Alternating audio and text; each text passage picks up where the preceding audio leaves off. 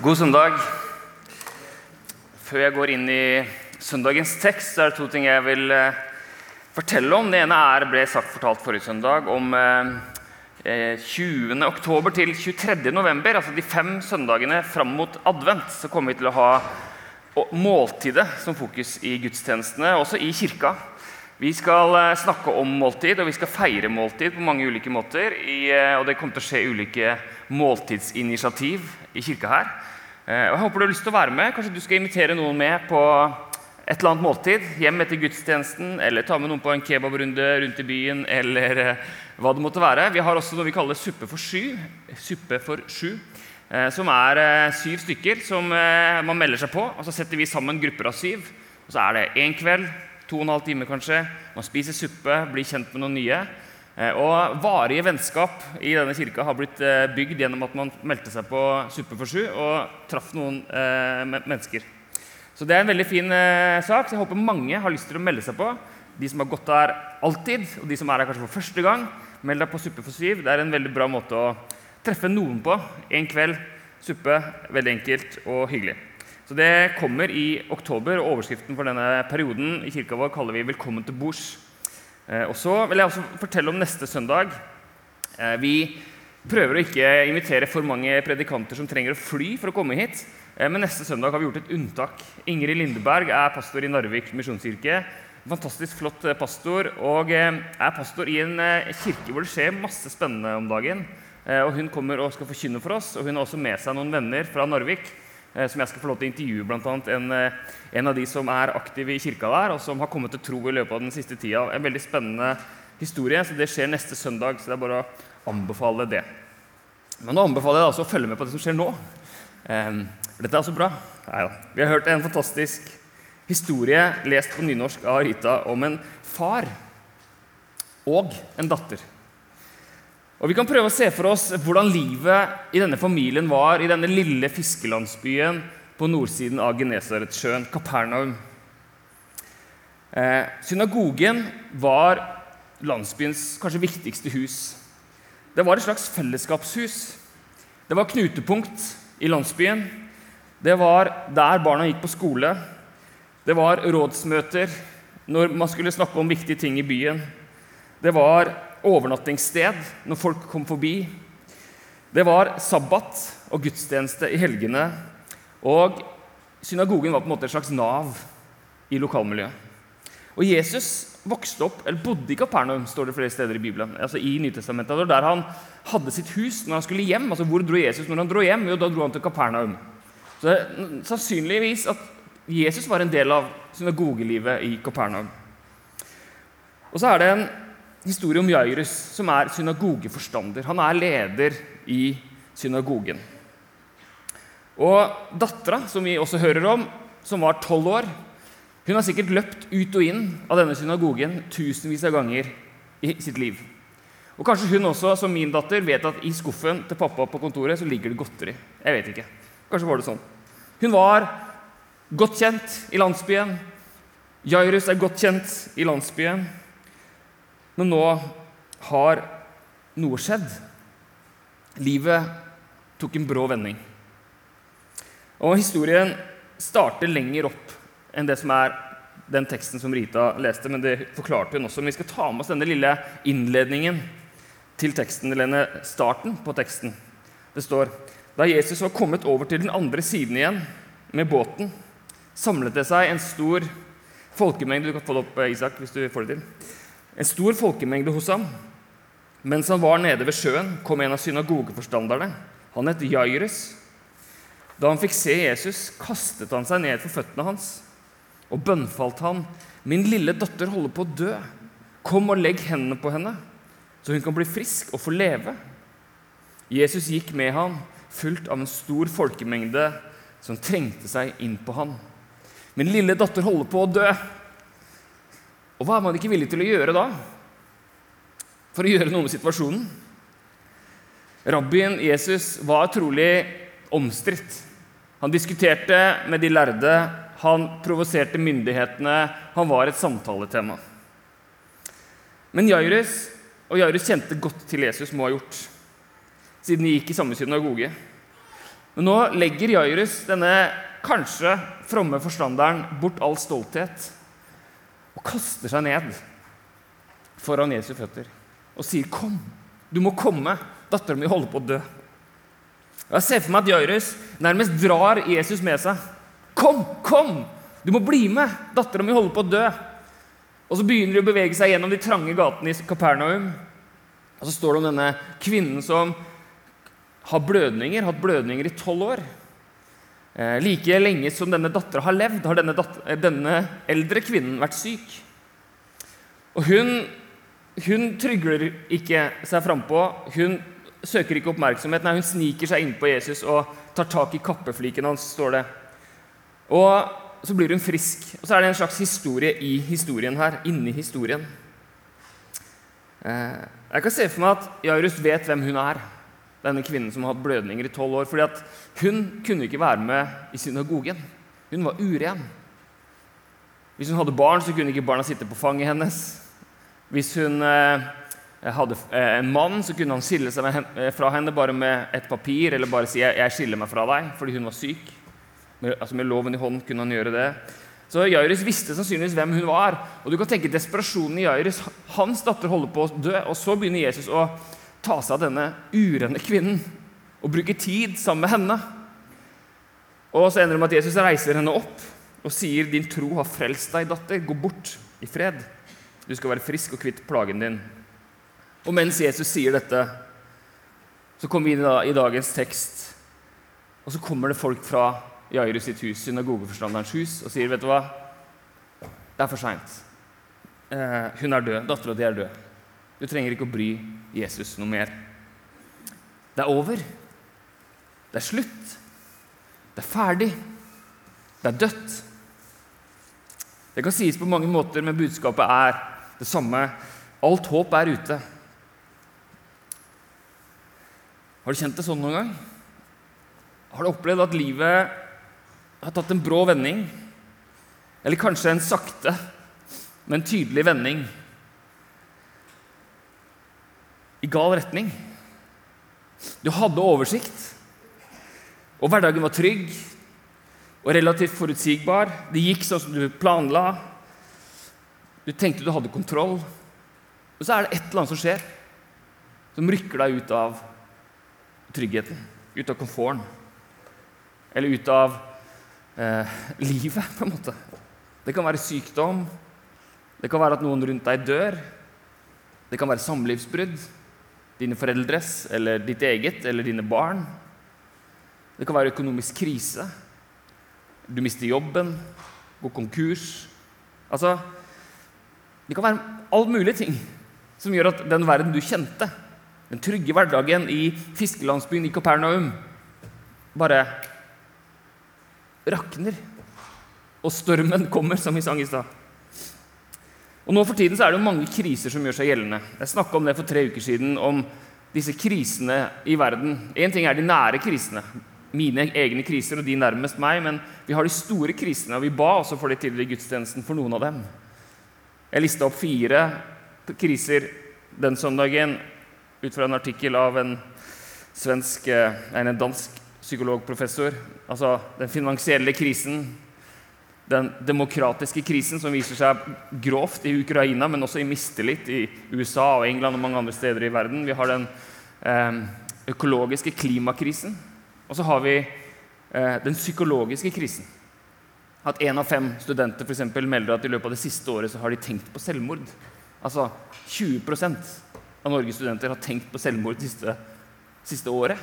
Altså den psykologiske krisen. Og Når vi da hører Jesus si i bergprekenen 'Vær ikke bekymret for morgendagen', så kan vi tenke altså, Jesus, vet du hva som skjer om dagen? Og det er krise, krise, krise. Gå inn på VG. Det er krise. Toppnyheten er alltid krise.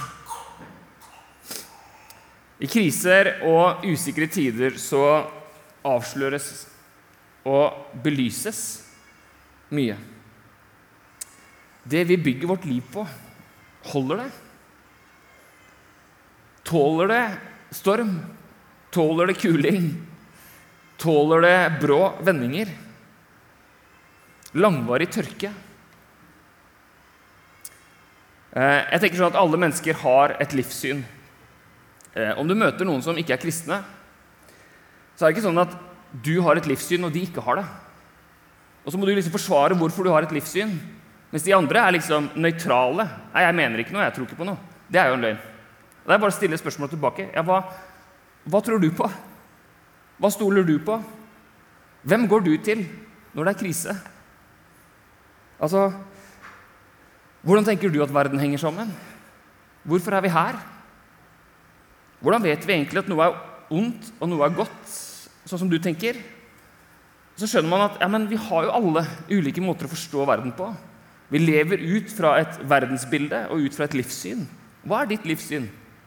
Og tåler det livssynet krise? I et sekulært verdensbilde som preger vår tid, så er liksom sannheten at vi tror bare på det vi kan se. Gud fins ikke. Gud er ikke en del av realitetene. Verden er ikke skapt, den er bare tilfeldig. av en eller annen grunn. Et eller annet har skjedd som gjør at vi er her. Eh, og som jeg sa for noen, også for noen uker siden, så lever vi i en tid, eller det fører til, eller hva som kommer først og sist, det er ikke så lett å vite, en svært individualistisk tid. Mening og moral fins ikke utenfor meg selv, altså hos Gud, eller i en større historie, men jeg må finne det inni meg. Jeg må søke innover. Vi har det jeg kalte en ekspressiv individualisme, hvor det blir opp til hver enkelt å finne ut sin identitet, sin hensikt i livet og forståelse av mening. Det er opp til deg. Det er du som må definere livet ditt. Det er du som må finne meningen. Det er du som må bestemme hva er moral, hva er godt, hva er ondt. Det er du som holder deg selv oppe. Og det er jo deilig når du bare kjenner at livet suser på, og du bare kan gjøre som du vil. Men hva når det røyner på? Hva når dattera di er døende? Altså, det er en tung bør å bære. Og når du bare ser innover, eller lærer barna dine at det er deg det kommer an på, du må gjøre det sjøl, hvor går du da som sagt når livet krasjer? Når ikke ting gir mening? Når du ikke har kontroll på situasjonen? I din måte å se verden på er det plass til lidelse? Har du en forståelse av virkeligheten hvor det er plass til en Putin? Fallende aksjekurser?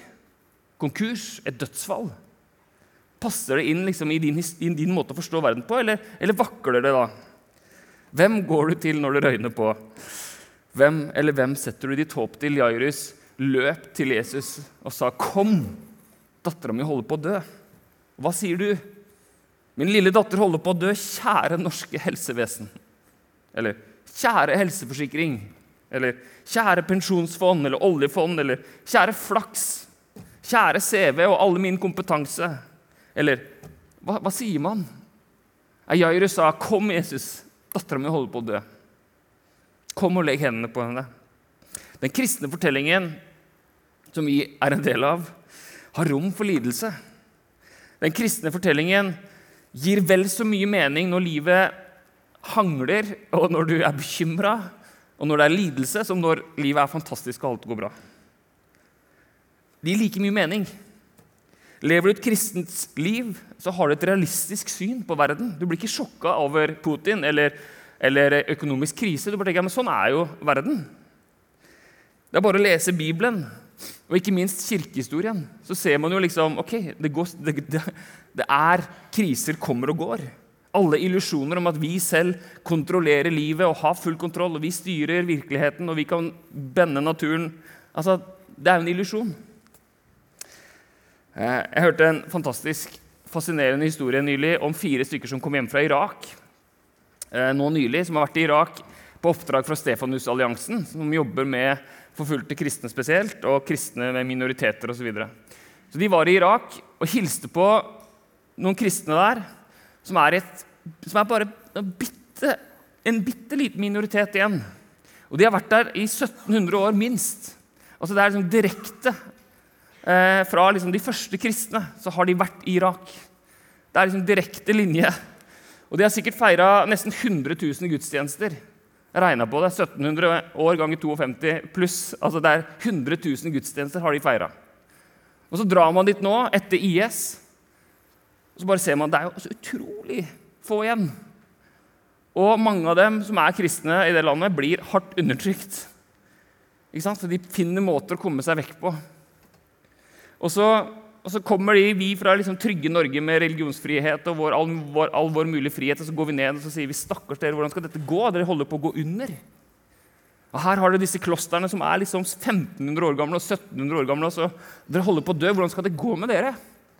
Og så sa hun som fortalte om disse, at, at disse lokale irakiske kristne de hadde sagt ja, men vi har vært borte fra disse steinene før. Altså i vår historie, hvis man ser de lange linjene. er Perserriket kom, sånn, dreiv oss ut. Og så kom, kom, Mongol, kom de fra Mongolia, liksom. Og så er det IS. Altså, Vi har vært borte fra disse steinene før. Så det var en sånn, ja, De var ikke så bekymra. Vi kan jo vår liksom veldig kortsiktige presens tenke å nei, hvordan skal det gå med oss? Men liksom, hvis man løfter blikket, ser på historien, ser på kirkehistorien, ser på liksom 500 år, 1000 år, 2000 år, så tenker man vet du hva? Det er håp. Det er liv. Er du med? Er du en del av kirken? så kan du løfte blikket og se at ja, men den historien jeg tilhører, den familien jeg tilhører altså vi, har, vi går i veldig mange generasjoner. Og Vi har vært igjennom pandemier og diktatorer og regimer og kriser og altså det ene og det andre. Men vi er her fortsatt. Men Det betyr ikke at de vanskelige fasene ikke er vanskelige. Frykt ikke, bare tro, sier Jesus. Så det er sånn der, Ok, eh, takk for det. liksom. Frykt ikke, bare tro. Og hvis du, dattera di virkelig holder på å dø, så er det ikke så lett å liksom bare få en sånn instruksjon. Nei, men bare, ikke frykt, bare tro. Og mange har jo bare klenget seg til det ordet helt bokstavelig, og så bare går de på Og så dør dattera. Ja, men hva skjedde? Trodde jeg ikke nok? Og når livet røyner på, når livet tar en brå vending, så er det ikke uvanlig at troen blir utfordra. Og livet trenger egentlig ikke å være så veldig vanskelig heller. Men troen kan bli utfordret bare av livet generelt. Og kanskje også vel så mye når det bare går bra. Hva skal jeg med Gud? Hvorfor, hvordan henger dette sammen hvis, liv, hvis jeg ikke har noe lidelse og alt går bra? Men en del opplever at livskriser, typ det Jairus opplevde, fører til troskriser. Ting var ikke så enkelt som du trodde. Du ga alt for Gud, og så svarte han ikke sånn som du hadde håpa på. Gud grep ikke inn som du hadde forventa, eller du sang 'Ingen er så trygg i fare' som Guds lille barnes, barneskare, og så bare kjenner du at det setter seg fast i halsen for at det, noen døtre dør jo. Og En del opplever sånn statistisk sett i 30-åra Jeg vet ikke om noen dere er i 30-åra, jeg er ferdig med det. Deilig, altså. De, de opplever at i 30-åra så er det liksom, da skjer det noe med, i, i trosutviklingen. Det, ikke, gjelder ikke alle, men noen opplever det. At Da begynner man å stille spørsmål. Og man gjør det man kan kalle dekonstruerer. Man, man liksom putter, kobler fra bygger, tar, Akkurat som hvis tro er et slags legohus. så liksom, man, man, river det fra hverandre og så tenker man jeg har ingenting igjen. Hva er det igjen her av denne troa mi? Eh, man får ikke ting til å henge sammen. Man stiller spørsmål med alt. Leser bøker, stiller spørsmål, så hjelper det ikke. Og om du er der nå og har det sånn, så ikke vær redd. Frykt ikke. Eh, og så er det vanskelig å tro noe, men frykt ikke. Vi har mange som har vært der. Jeg også. Og det kan være utrolig slitsomt. Men for mange så er det en viktig del av en moden tro. Dekonstruksjon trenger ikke å være et endestasjon, men en, et, en vei videre. Og når du kommer ut på andre sida, så, er, er, blir man kanskje aldri helt ferdig, men det er en annen tro. En moden tro. Jeg hørte en som prate om det her, som sa at det som er godt å vite hvis du liksom er i den fasen nå og tenker at nå bare dekonstruerer alt, jeg skjønner ingenting hvordan ting henger sammen, jeg sliter med å gå i kirka, vet ikke hva jeg skal tro på, så sier han tenk på de 80-åringene, de kristne 80-åringene som du ønsker å bli som. Som du møter og tenker åh, jeg håper jeg blir sånn når jeg blir 80. Sannsynligheten er ganske stor for at de har gått gjennom det samme. Eh, du tenker at wow, de er så ydmyke. De har så mye omsorg. De viser så mye kjærlighet. Ja, men det er fordi De har, de, har merka at livet røyna på, at troen ble dekonstruert. og Så kom man gjennom, og så, og så er det et annen tro. Eller, det er den samme troen, men den, der, den har vært gjennom en krise, kanskje. De 80-åringene som man tenker å, håper ikke jeg blir sånn, det er ikke sikkert de har gått gjennom en sånn krise. ja, men 'Jeg har sannheten, og svaret er sånn.' og du, du, du. Det er ikke sikkert de Og det er greit. Det er fint å slippe liksom alle Det er tungt å være der, men liksom, hold ut. Frykt ikke hvis din livskrise har ført til troskrise. Eh, ikke stress med å komme ut av det heller, eh, men eh, vi er mange som har vært der. Det er en grunn til at det noe innenfor kristen tradisjon er noe som kalles sjelens mørke natt. Sjelens mørke natt, hvor du bare kjenner at nå er det helt mørkt. altså, ser ikke noe håp eller lys, eller Gud bare virker fullstendig stille. Jeg ser på Margrethe Mant Anfinsen bak her som skrev en master om det erfarte gudsfraværet. Vi er jo opptatt av Guds nærvær, selvfølgelig, men noen ganger så bare opplever man at det jeg erfarer, er Guds fravær. Ja, men sånn er det i perioder. Hold ut. Det fins håp. Det fins lys. Jesus kommer til huset hvor det virker som at alt håp er ute, og det er masse støy, bråk, gråt, i tråd med tradisjonene den gangen. Og Jesus sier, 'Ta det rolig, hun sover bare.' Og de ler av han. Og Jesus vil ikke gjøre noe stort show, så han tar med seg sine nærmeste og mor og far til jenta, og så går de inn på rommet hennes. Og der, i mørket, kanskje i sjelens mørke natt, eller hva det måtte være, i fortvilelsen, så tar han jenta i hånda, tolvåringen, og sier han 'Talita komi'. Arameisk for 'lille jente'. Jeg sier deg, stå opp. Stå opp. Og Hun reiser seg opp og går rundt, og de blir ute av seg i undring. Og Jesus sier noe hverdagslig som 'gi henne noe å spise'. Jesus gjenoppretter det vanlige. 'Her, mor og far, her er dattera deres. Gi henne noe å spise.' Nå er, nå er hun tilbake igjen. Denne søndagen i kirkeåret som vi følger om dagen, den kalles høstens påskedag. Det er høstens første påskedag, på en måte. Fordi teksten alltid handler om en oppstandelse fra de døde. Eh, og Jeg vet ikke mer om tradisjonen rundt det, jeg bare vet at den kalles for det, og at teksten handler om at Vi har to tekster. Det er Lasarus, og så er det denne. Eh, men akkurat som at når høsten kommer, bladene detter av trærne, ting begynner å dø, så blir vi minnet om at det fins håp og liv og lys. Jesus som sier, 'Jeg er oppstandelsen og livet'. Den som tror på meg, skal leve om han ikke dør. Eller leve om han enn dør. Jesus er oppstandelsen. Jesus er nytt håp. Jesus er nytt liv. Men ikke bare én gang der framme, sånn som vi sier i trosbekjennelsen tidligere i gudstjenesten. Legemets oppstandelse en gang der framme. Nei, men han er også oppstandelsen og livet her og nå. Presens. Her og nå. Jesus er livet. Her og nå, reis deg opp, stå opp. Du skal leve. Kom igjen. I dag lever du. I dag er det håp. En dag skal du dø. Men alle de andre dagene skal vi leve, som noen sa. I dag lever du. Reis deg opp. Stå opp. Ta imot livet. Og Kanskje har du noe som kjennes dødt i livet ditt. Noe som virker håpløst, som virker sovende eller dødt. Og Hvis vi hadde satt fram en mikrofon og alle hadde kommet og delt, så tipper jeg vi kunne fått, fått fram ganske mange ting i dette rommet her nå, av, av liksom, ting som er vanskelig. Men vi vet at graven er tom. Vi vet at den lille jenta at Jesus hun våknet til liv igjen. Jesus vekte henne til liv igjen. Rick Warren sa for noen år siden at If God can raise a dead body, he can raise a dead Så var det en sånn strek. You fill in the blank. If God can raise a dead body, he can, he can raise a dead Sånn som strek. Hvis Gud kan gjenreise en død kropp, så kan han gjenreise en, et Og hva vil du fylle inn der? En relasjon? Et samliv? Et ekteskap? Jobben din? En situasjon som dine nærmeste står i? En drøm? Et talent du har? En død tro? Et frossent hjerte? Altså Hvis Gud kan gjenreise Jesus fra de døde, så kan han også gjenreise det du kjenner er dødt i ditt liv. Og Kanskje ikke folk ser det på deg eh, eh, hva, at det er noe som er dødt i livet ditt, eller som er krevende. Kanskje du bare holder fasaden, klarer å holde deg gående. Mens du vet at hvis du stopper opp, kjenner etter, så, det, så ligger det noe som er dødt i livet ditt. Eh, og så kanskje er det fordi at du selv har tabba deg ut. Du har gjort noe som du bare skammer deg for. og så kjenner du det er dødt. Eh, sagt noe, gjort noe. Eh, og så bare eh, hvor, hva, hva, gjør du med det, da? Hvor går du med det?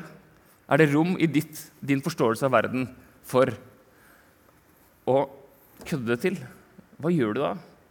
Tar du deg sammen? Um, når du tenker at det er håpløst Det kommer aldri til å bli annerledes. Det er, bare, det er bare sånn. Jeg er bare sånn. Nei, det er Guds motstander som sier det. Jesus sier, 'Stopp. Reis deg opp.' Jesus tar deg i hånden i dag. Tar deg i hånden, så sier han, 'Stopp. Nå lever du. I dag.' Og Det handler ikke om sånn der, lettvint. Det ordner seg. Alt ordner seg. Nei, for det gjør det jo ikke alltid. Døtre dør. Vi mister jobben. Vi går konkurs, liksom. Men eh, det er håp. Og Jesus holder på å gjenskape denne verden, og en gang skal han gjøre det fullstendig. Og Det handler om å holde fast i håpet og troen på en Gud som gjør mirakler. Ofte så, vi, ofte så ser vi det ikke. For sjeldent ser vi det. Men han gjør det samtidig hver dag og hele tiden gjennom sitt skaperverk og gjennom menneskene han har skapt. Men noen ganger også helt uventa og mot alle odds. Så skal vi holde fast i troen på en Gud som kan reise opp Jesus fra de døde, og reise opp en død jente, og som sier 'frykt ikke, bare tro'.